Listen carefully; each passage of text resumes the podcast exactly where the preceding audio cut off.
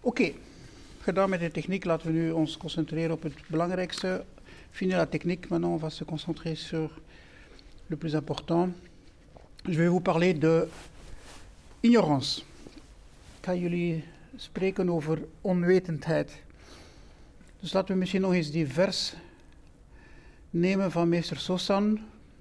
On va peut-être reprendre ce verset de maître Sosan. Die luidt als volgt: Veranderingen die voortduren in leegheid hebben allemaal hun oorsprong in onwetendheid. Donc ce verset, c'est le suivant, comme je l'ai dit. Les changements qui se perpétuent dans la vacuité ont tous comme source l'ignorance. Um, ja, wat is onwetendheid? C'est quoi exactement cette ignorance?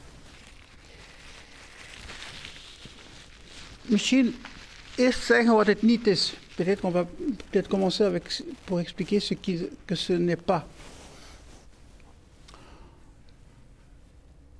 Het is niet iets van de orde de kennis die we niet zouden ce pas, ce n'est pas quelque chose de l'ordre de la connaissance dont on ne disposerait pas. Hein, bijvoorbeeld, je weet niks over de algemene relativiteitstheorie van Einstein. Voilà, je hebt die kennis niet. Donc par exemple, euh, on n'a pas connaissance, peut-être que oui, mais peut-être que non, euh, de la, euh, la, la théorie de Einstein, la, la, la voilà, la théorie de la relativité générale. Bon, on, on peut ne pas connaître ça. Voilà. Mais c'est pas ça, euh, onwetendheid in boeddhisme. C'est pas ça euh, l'ignorance dans, dans le bouddhisme. Voor de Boeddha, het gaat terug tot de Boeddha. Uh, ça, ça remonte vraiment à Boeddha. Voor hem was de fundamentele conditie van ons bestaan onwetendheid. Pour lui, le, la condition fondamentale de notre de notre existence, c'est vraiment l'ignorance. We zijn blind ten aanzien van ons eigen bestaan. Nous sommes aveugles par rapport à notre propre euh, vie, par rapport à notre propre être. Ook zijn we blind ten aanzien van de oorzaken van ons bestaan. Hoe komen we hier? Wat is eigenlijk de oorzaak geweest? On est même aveugle par rapport on est ignorant par rapport à quelles sont les causes qui nous ont amenés ici. En die zijn. Et tout ce que, toutes les causes qui ont fait qu'on est ce que l'on est, avec toutes nos caractéristiques, met al onze um, kenmerken. Dus het is werkelijk iets van de orde van, ja, hij zegt het zelf, niet zien, ne, ne, être aveugle, ne pas voir, ne pas, ne pas pouvoir voir. We zouden eigenlijk kunnen zeggen dat Boeddha is iemand die ontwaakt is en die kan zien. On pourrait même dire que Bouddha, c'est euh, l'éveillé, c'est celui qui voit. Welke vorm van blindheid is er? Quelles, quelles sont les, ces, ces formes de, de cécité, je crois qu'on. Non, cécité, c'est l'oreille. Non, non, c'est la, c'est la. Hein, voilà, oui, cécité. Niet inzien dat de bron van wat wij geluk noemen, eigenlijk de bron is van dukkha. Dus dukkha zijn de ontevredenheid, misnoegdheid, onvoldaanheid, onbevredigheid. Donc, cette cécité, c'est un, ne pas voir que la source de ce que nous, on appelle le bonheur, en fait est source et cause de dukkha, d'insatisfaction, de, on, dit souffrance, euh, pas, être, pas être dans son assiette, hein, voilà. Dat is die blindheid. C'est ça cette cécité. Hetgeen constant verandert als onveranderlijk beschouwen. Voir tout ce qui est en, en mouvement, en changement, hein, le considérer comme étant fixe. On, on considère les choses comme étant fixes. Même, même les, les objets matériaux, hein, de, de, de, de, de tastbare dingen uh, ervaren wij, zien wij als zijnde vast. Terwijl ondertussen de wetenschap wel heel duidelijk heeft gezien dat zelfs de vaste voorwerpen eigenlijk binnenin in hun structuur totaal constant aan het veranderen zijn. Alors que la science a, prouvé que les, la matière, la structure de la matière à l'intérieur, très profondément à l'intérieur, est continuellement en changement. Ça bouge dans tous les sens. En een derde, denken dat elk individu over een zelf beschikt die gescheiden is van al de rest. Et le troisième, ce troisième aspect de la cécité, c'est voir, enfin penser, considérer que chaque individu possède une sorte de soi séparé de tout le reste. Voilà, daarover ging het voor Bouddha. C'était ça, cette, euh, le, le, le, pour le Bouddha, c'était ça l'ignorance, ne, ne, pas voir tout ça, ou, ou, le voir de travers. Er is een sutra, Asela Sutra, die daarover gaat.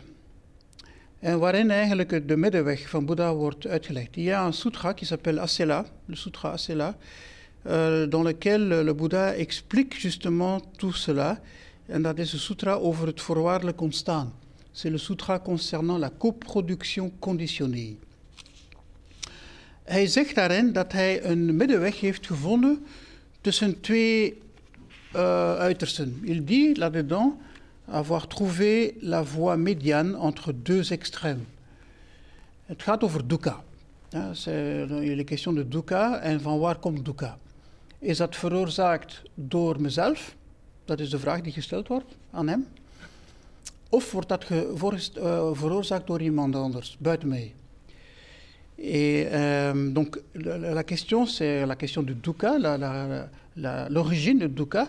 Est-ce que c'est quelque chose que c'est moi, l'individu lui-même qui crée, ou est-ce que c'est quelque chose qu'un individu externe à moi crée et dont je reçois l'influence? En hij zegt, het is nog het een, nog het ander. Et il dit que ce n'est ni l'un ni l'autre. Want dat zijn de twee uitersten. Als we denken dat dukkha gecreëerd wordt door onszelf, si on pense que dukkha est créé par nous-mêmes, geloven we in wat Boeddha zegt, het eternalisme. Betekent dat, er, dat wij een vaste vorm hebben en, in die vastheid voortduren. Of dat er een kern zou zijn in ons die zou voortduren en die die dukkha zou creëren. Donc pour dukkha, ça, euh, pour le Bouddha, euh, il dit euh, croire que dukkha est, la cause, ce serait nous, c'est croire en quelque chose de fixe en nous, quelque chose d'éternel en nous, quelque chose qui ne changerait pas. En het andere uiterste is wat hij uh, noemde annihilisme, et donc l'autre extrémité, uh, qu'il appelait lui annihilisme, is um, je eigenheden compleet loszien van het verleden. Uh, alles is door anderen bepaald. Dus uw verleden telt eigenlijk helemaal niet meer mee. Of uw toekomst is helemaal gescheiden van het heden. Uh, donc, uh, annihilisme pour le Bouddha, c'était euh, penser que tout est, venait de l'extérieur et donc que l'on est complètement, nous, coupé de notre passé ou que notre futur est complètement coupé de notre, de notre présent. Dus het is nog het een, nog het ander. Ce n'est ni l'un ni l'autre. En wat hij in de plaats stelt is de middenweg, en dat is die twaalf uh, schakels van voorwaardelijk ontstaan. Et donc ce que lui, il a enseigné, c'est la voie médiane avec les douze uh, maillons de la chaîne de coproduction conditionnée. En jullie hebben dat beeld misschien al gezien, maar ik ga het nog eens tonen. Je pense que vous l'avez tous vu, cette image. Dus dit beeld hier. We gaan daar een beetje op inzoomen. On va un peu la, la, regarder. Maar dat is dus het, uh, het wiel van, het, van samsara. C'est, la roue du samsara, en fait. Hein. Um, a deux roues hein, dans le boeddhisme. Er zijn twee wielen in het boeddhisme. Je hebt het dharma-wiel, uh, die eigenlijk het onderricht van de Boeddha symboliseert. En je hebt het wiel van samsara. Donc il y, a, deux roues dans le, dans le, bouddhisme. Il y a la roue euh, du dharma, qui symbolise avec les huit rayons, enfin il y, a, certaines représentations, il y en a plus, mais disons qu'il y en a huit, hein, l'octuple entier, qui est l'enseignement, qui symbolise l'enseignement du Bouddha. Et il y a cette roue ici, cette deuxième roue du samsara. We gaan eens, uh, dus dat is hier, dat is samsara. Hè? Dus dat is eigenlijk, uh, wordt een beetje voorgesteld, dat zijn de mara die dat wiel vasthoudt. Hè? Et qui représente uh, de samsara. We gaan dat, alle, alle elementen even bekijken daarin, maar weet dat buiten het wiel Bouddha zich bevindt. Donc on va examiner ces trous en détail parce que c'est important. Et euh, mais sachez déjà qu'il y a à l'extérieur de ces trous une voie qui est possible, c'est celle du Bouddha, qui euh, pointe vers l'éveil, qui est représenté ici par la lune. Hein. Dus, die, dus de Boeddha buiten het wiel die in de richting wijst van de volle maan, die het ontwaken symboliseert. Oké, okay, laten we naar de kern gaan van dat, van dat wiel, dat hier. Er zijn drie dieren. Y a trois, trois animaux. Je hebt een varken, je hebt een haan, of ja, het is een vogel eigenlijk, en je hebt een slang. De varken symboliseert onwetendheid. Donc le porc, le serpent et le coq. Le porc, lui, symbolise l'ignorance. En, en het is ook zo afgebeeld dat vanuit, vanuit onwetendheid de twee anderen verschijnen. Et donc c'est intéressant de voir qu'à partir de lui, dans sa bouche, sortent les deux autres. Hein, le coq qui représente l'aversion, euh, non, là, qui représente l'attachement. Hein, dus de haan is uh, de gehechtheid, de begeerte. En de slang die de haat en de aversie voorstelt. Et donc le, le serpent qui symbolise euh, l'aversion, la haine. Voilà, les trois poisons, en fait, se trouvent ici au milieu. Et il y a des milliers et des milliers de ces, de ces images. Hein. Parfois, on les, on les voit euh, où les animaux s'accrochent les uns les autres. Het, vele zijn zoals hier. Hein. Beaucoup sont comme, comme, comme ici, où c'est l'ignorance, à partir de l'ignorance que les deux autres apparaissent. Oké, okay, dus dat is de kern. Dat is, uh, c'est ça le noyau, noyau, noyau, noyau? Le noyau de, de, ces trous. Donc ça tout tourne autour de ça. Hein, c'est pour ça qu'on appelle ça les trois poisons. Hein. Dus alles draait hier rond. En karma. Donc ici, dans ce deuxième cercle, on a la représentation du karma. Parce que ces trois poisons créent du karma. Euh, enfin, pas seulement les trois poisons, mais comme vous savez, on, on ne va pas voir tout en détail, bien sûr, mais euh, toutes nos actions, toutes nos pensées, toutes nos, uh, nos, nos paroles, dus alles wat we denken, alles wat we zeggen, alles wat we uh, doen, creëert karma. En je hebt positief karma, dat is deze hier, de linkse kant, en dat brengt de mensen naar omhoog. Ja, dat draagt de mensen naar omhoog. En je hebt negatief karma aan de rechterkant die de mensen naar beneden halen. Donc il y a karma positif qui euh, fait élever les gens. Donc on voit ici le côté gauche. Et le karma négatif, qui est dans le sombre ici, qui fait abaisser les êtres. Verder hebben we, en dat wordt interessant, de uh, zes uh, verschillende um, toestanden van, van leven. En fait, il y a ici les, les six domaines de l'existence qui sont dans le grand cercle ici au milieu. On a celui-ci, le premier, on va, parce que selon les images, parfois l'ordre n'est pas le même. Hein. Naar gelang de beelden die je zult tegenkomen, is de volgorde niet altijd dezelfde, maar het doet er niet toe, het is cyclisch. Hein. C'est pas vraiment important euh, là où ça commence, parce que de toute façon c'est cyclique. En dus dat is wel belangrijk van daar goed te onthouden. Het domein van de goden. Hein. Donc ça c'est le domaine des dieux. Euh, quelque chose que l'on connaît très bien. Là où on est pépère dans l'extase, où tout coule bien, euh, c'est le bonheur parfait ou euh, insouciance totale. On oublie même qu'on est, euh, qu'on est euh, mortel. Hè. Dus uh, alles gaat goed in de goede wereld. Hè. We kennen dat goed. Hè. Als, als alles volgens uh, plan verloopt en uh, extatisch toestanden we zijn zodanig zelf niet bewust van die toestand dat we eigenlijk vergeten dat we sterfelijk zijn. De, de, het domein van de halfgoden of de, het domein van de, van de krijgers. Ça, c'est le deuxième domaine, c'est le domaine des demi-dieux ou le domaine des, des guerriers. Ils sont toujours en guerre avec les, les dieux. Ze zijn altijd in oorlog. Het is wel schattig om te zien, van schattig ja, het is wat dit is. Hè. De halfgoden die zijn jaloers hè, op de goden en die zijn er altijd in, in, in strijd mee. Ze zijn ook met elkaar in strijd. Hè. Ils sont aussi... Uh, ils, sont toujours en, colère. Hein, voilà, ça c'est le, le, le de la colère. Le domaine des, de, le, domein animal, ja, dus het dierlijke domein hier. Als je enkel alleen maar uh, uh, uw natuurlijke driften volgt, zonder meer, voilà, dat is dus die wereld. Hein. Donc c'est le domaine où on suit ses impulsions primaires, voilà, manger, dormir, forniquer, etc., etc., sans beaucoup de conscience. Het volgende domein hier is de, het domein van de hel. Ça, c'est le, le, domaine suivant, c'est le domaine du, de l'enfer, hein, où euh, les êtres souffrent des, souffrances euh, infinies. Hein, het is, zulke beelden zijn gemaakt geweest voor leken. Hein. Donc, en fait, ces images ont été, créées pour les laïcs. Hein, donc, et, et se trouvent à l'extérieur du temple. Ze bevinden zich op de muren van de tempels. Dus, voor de, dus niet voor daarin wonen, maar voor de mensen buiten. Dus het is allemaal nogal heel.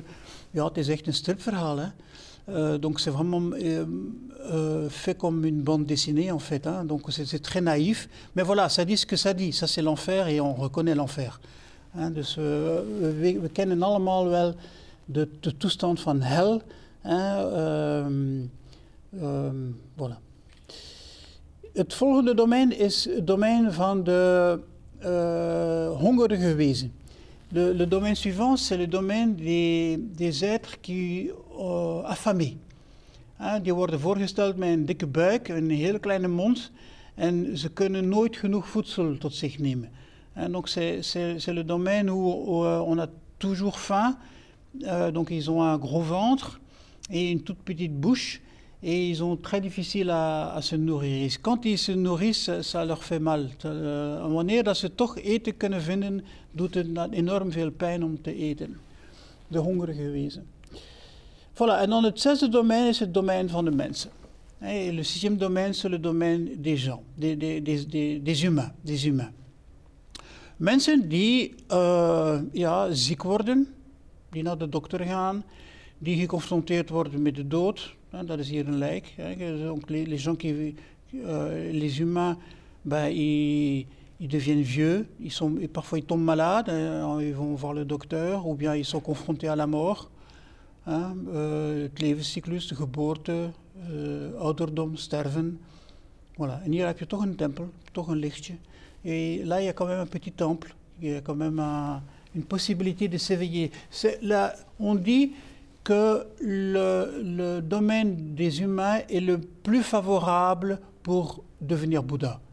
We zeggen dat het domein van de, het, mensen, het menselijk domein het de meest gunstige is om een Boeddha te worden. Vandaar hier het, het beeld van die van, van wij. c'est l'image de nous en fait ici, c'est le dojo. En dat is dus hier de, de dojo. Voilà, dus dat zijn de zes uh, domeinen die, het, uh, die ons leven bepalen. C'est les six domaines dans lesquels on transmigre. Um, Oké, we gaan verder. De buitenste cirkel is de voorstelling van de twaalf schakels van onderlinge afhankelijkheid. Donc ce, ce cercle extérieur, c'est les, les douze euh, on va les voir, hein, les 12 maillons de la chaîne de coproduction conditionnée. Dus we gaan beginnen met de eerste, en dat is deze hier. Die staat altijd wel daar, il est toujours là. En dat is uh, de onwetendheid. Ici, c'est l'ignorance. En dat is altijd afgebeeld met een blinde man. Dus dat is echt dat wat ik daar straks zei. Hè? De Boeddha zag het zo. En donc c'est euh, représenté comme un, une personne aveugle. Donc ne pas voir. Ne pas voir. Dit veroorzaakt de volgende, en dat is de, de, de vormen, les formations. En dat wordt voorgesteld door een pottenbakker die potten maakt. Donc c'est un, potier qui, qui, qui fait des, des, bah oui, des pots, des, des ustensiles. Donc ça c'est la, la, la formation. Donc l'un provoque l'autre. Après les formations vient la conscience. En dat is een aap in een boom. Donc les formations créent la conscience, hein, het bewustzijn, un, un, qui est représenté sou, très souvent par un, un, singe qui est dans les arbres. Hein, het bewustzijn dat van tak tot tak springt. Hein, C'est vraiment la conscience qui, qui saute d'une branche à l'autre, qui saute même d'une existence à une autre existence. Het is ook het bewustzijn dat van, van de ene bestaanswijze naar een andere bestaanswijze gaat. Dit veroorzaakt naam en vorm. Een beetje een moeilijk concept misschien, maar zo heel moeilijk is het nu ook weer niet. Donc, c'est donc la conscience euh, provoque nom et forme, le nom et la forme, et c'est toujours, en het is altijd voorgesteld door twee mensen in een boot. C'est toujours représenté avec deux personnages dans un bateau. Alles heeft een naam, alles heeft een vorm. Toutes les choses dans la vie ont un nom et ont une forme. Wat het ook soms wordt geïnterpreteerd als zijnde het mannelijke vrouwelijke bij de de zaadcel de, de. Parfois c'est aussi interprété comme étant le, principe masculin, le principe euh, féminin, la cellule masculine rencontre l'ovule. Voilà. Daaruit ontstaan de zes zintuigen. De là euh, est euh, créé les six, euh, les six domaines des sens. C'est is een leeg huis met zes ramen. Het is een, een, een maison vide avec six fenêtres. Voilà, dat zijn onze zintuigen. Hè? Ogen, oor, smaak, tastzin, reukzin en bewustzijn. En je weet dat er zes zijn in het boeddhisme. Donc en fait, il y en a six. Hein. Donc c'est la vue, l'odorat, l'ouïe, le goût, le, le, toucher et la conscience. De zes zintuigen veroorzaken contact. En dat wordt hier interessant. Twee minnaars die elkaar omhelzen. Donc euh, les six domaines des sens provoquent le contact. Et comme c'est représenté ici, ce sont deux amants. Euh, ça devient intéressant. c'est le contact. Uh, Homme-femme, deux hommes, deux femmes, dat is uh, naar gelang. Dus we. On ne va pas faire la différence ici, homme-femme ou, ou, deux hommes ou deux femmes, ça n'a rien à voir. C'est le contact. De con het contact zorgt voor gevoel. Le, le, le contact provoque la sensation. En dat wordt voorgesteld door een man die een pijl in zijn oog heeft gekregen. Euh, donc c'est représenté euh, toujours par un, un personnage qui a, la, qui a, reçu une flèche dans l'œil. Voilà, Le, la sensation, euh, voilà, qui parfois est, est, est, bonne, mais très souvent euh, tourne euh, au vinaigre. Hein, voilà, c'est plutôt le mal. La sensation provoque le désir. de, de, de sensatie veroorzaakt begeerte. Dat wordt voorgesteld door iemand. C'est présenté par quelqu'un qui se, qui. Il est dans un café euh, et il a, une grosse cruche pleine d'alcool et il pense en effet que dans l'alcool il va trouver le bonheur, mais bon, voilà, c'est ce que c'est. Dus hij denkt dat hij, uh, dus hij wordt voorgesteld door iemand die zich bedrinkt in een, in een café of, of waar dan ook met een grote kruik vol alcohol, waarin hij gelooft dat in het alcohol de oorsprong zou zijn van zijn geluk. Wat natuurlijk absoluut niet zo is. Bien sûr, ce n'est pas du tout ça. Um, de begeerte provoceert en ontstaat de gehechtheid. Weer al, enfin, deze keer is het een aap die de boom inklimt de vruchten. Donc cette fois-ci, c'est la, soif, hein, le, désir provoque l'attachement. Et c'est représenté par un singe, parfois c'est un homme aussi, qui grimpe dans un arbre pour aller attraper les fruits. Voilà, gehechtheid, de l'attachement. L'attachement provoque le devenir. En dat wordt voorgesteld, um, donc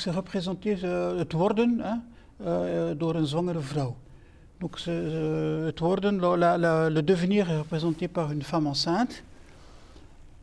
Le devenir provoque la naissance. Bon, ici, le petit, il est, né, mais parfois on voit vraiment la femme accoucher. Hier is uh, dus het, uh, het, uh, de, het, worden provoceert dus de geboorte. Hier is, het klein, is de kleine al geboren, maar we zien soms afbeeldingen waar de vrouw aan het baren is. En dat brengt ouderdom, dus de laatste schakel, de twaalfde, le dernier maillon. Hein, la, la naissance provoque la vieillesse et la mort. En dat wordt voorgesteld door een man die een lijk naar het kerkhof brengt. Et c'est représenté par un individu qui porte un cadavre pour l'amener au cimetière. Voilà, dus dat, was, dat is echt de theorie van uh, voorgesteld. Al in India, uh, de theorie van Boeddha, van de theorie, de, de, het onderricht van de Boeddha voorgesteld door die twaalf beelden. Donc c'est le, le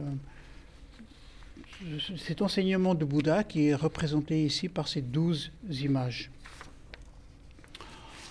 Dus natuurlijk gaat het verder. Hè. Door één van die schakels te breken, volgens de Boeddha, stopt heel die transmigratie. Hè. Donc en cassant un de ces maillons, n'importe lequel, on, on, on, on stoppe cette transmigration dans les six domaines de l'existence. Er zijn die zes verschillende werelden en stoppen het karma, zowel positief als negatief karma. Donc c'est vraiment en, en, en, brisant la, la chaîne euh, que cela se fait. En de, het ontwaken zal de eerste, uh, de onwetendheid helemaal vernietigen. Donc pour le Bouddha, l'éveil euh, euh, détruit complètement l'ignorance, le premier, le premier maillon. Et tout le reste tombe. Hein. Um,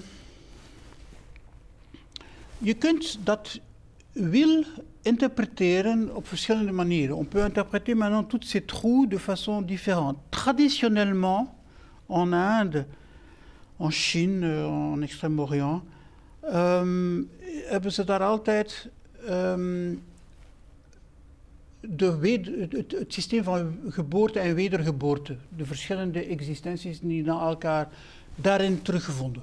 Donc euh, de façon traditionnelle, ça a toujours été interprété en Inde, etc., euh, en Chine, par euh, la, croyance dans, l'incarnation, les, renaissances. Voilà, donc c'est vraiment la transmigration d'une existence à l'autre qui est vraiment montrée ici complètement dans, ce, dans ces trous du samsara. Maar je kunt het ook op een andere manier interpreteren. Je kunt on peut l'interpréter également d'une autre façon. On peut l'interpréter sur nous-mêmes. We kunnen het ons, naar onszelf betrekken. Het leven hier en. La, vie ici et maintenant, on connaît ce, cette transmigration hein, dans les six domaines. On connaît le domein des dieux, on connaît le domein de l'enfer, on connaît le domein animal. En we kennen die zes domeinen van transmigratie. Van de goden, van de krijgers, van de hel, van, van de hongerige wezen. We beleven ze helemaal. On, on, on, on le ressent, on, on, vit, on vit ça vraiment.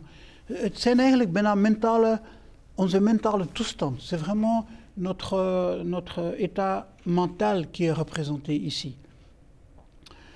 En dus is het interessant de, de, manier waarop het eigenlijk traditioneel wordt voorgesteld met die twaalf schakels.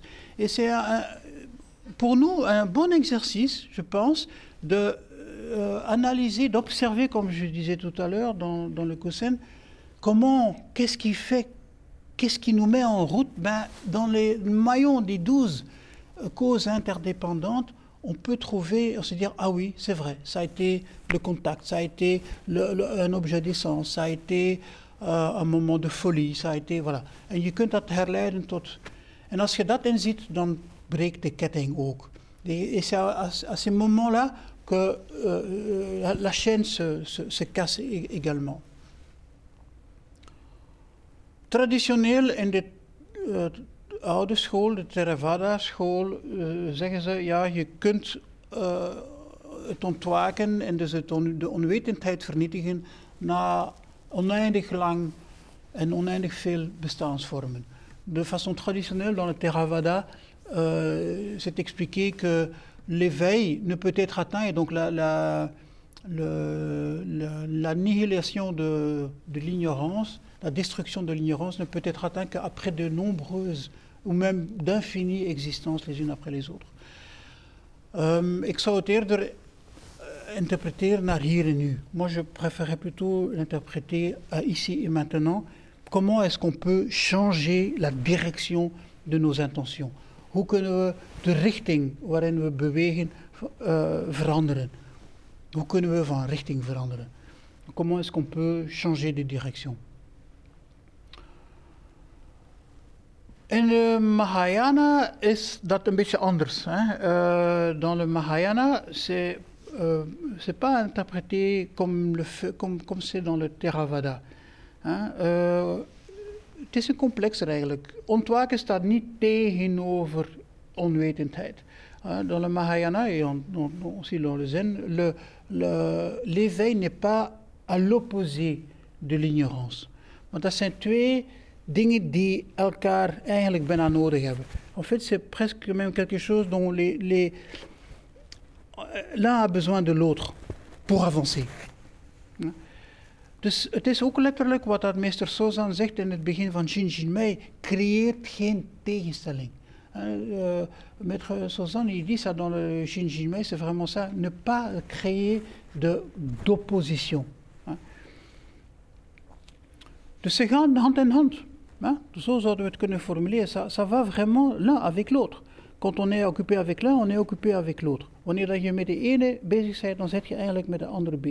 Ben je bewust van ben in een. Dès qu'on est conscient de, son ignorance, on est déjà dans un moment d'éveil.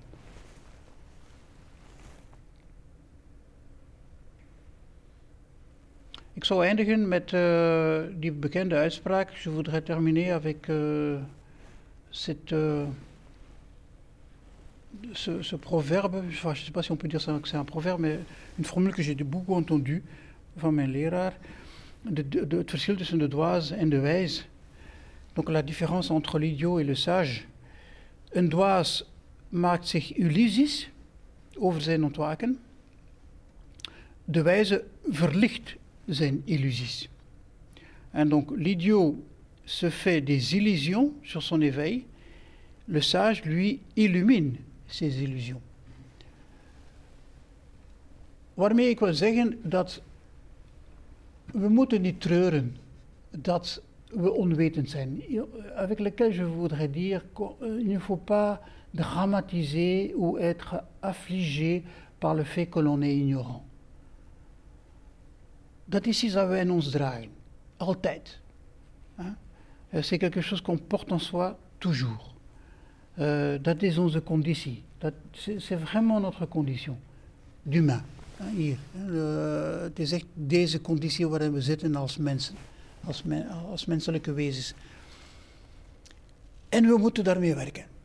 Et il faut qu'on travaille avec ça. Et pas se dire, oh là là, pff, wat een toestand. Nee, want dan ben je vertrokken. Hè.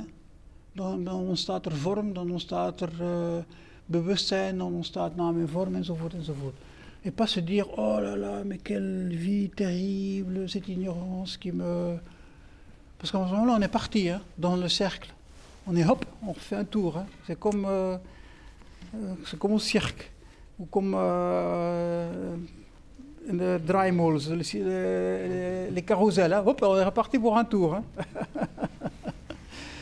voilà, dat is wat ik eigenlijk vandaag. Maar ik, ik vind het een interessante. Uh, we gebruiken niet zo vaak beelden in de. Hein. On n'utilise pas beaucoup les images dans le zen. Maar die vind ik dat, dat je moet bestuderen. Ça, c'est quelque chose qu'il faut vraiment étudier. Omdat het uh, zelf al is zazen natuurlijk uiteindelijk de beste methode om uh, die cirkel van samsara te doorbreken. Même si le zazen est la meilleure méthode pour, rompre le cercle du samsara, c'est bien de quand même de, bah oui, d'aller étudier un petit peu et puis voir comment les choses, comment les choses changent, comment, qu'est-ce qui fait qu'on est en mouvement, qu'est-ce qui fait que, voilà, que, que les choses nous arrivent. Hoe komt het dat dingen uh, ons overvallen? Hoe, hoe komt het? Wel ja, bekijk het, allemaal in die cirkel. Donc, bah oui, il faut étudier, tout est dans le cercle. Voilà.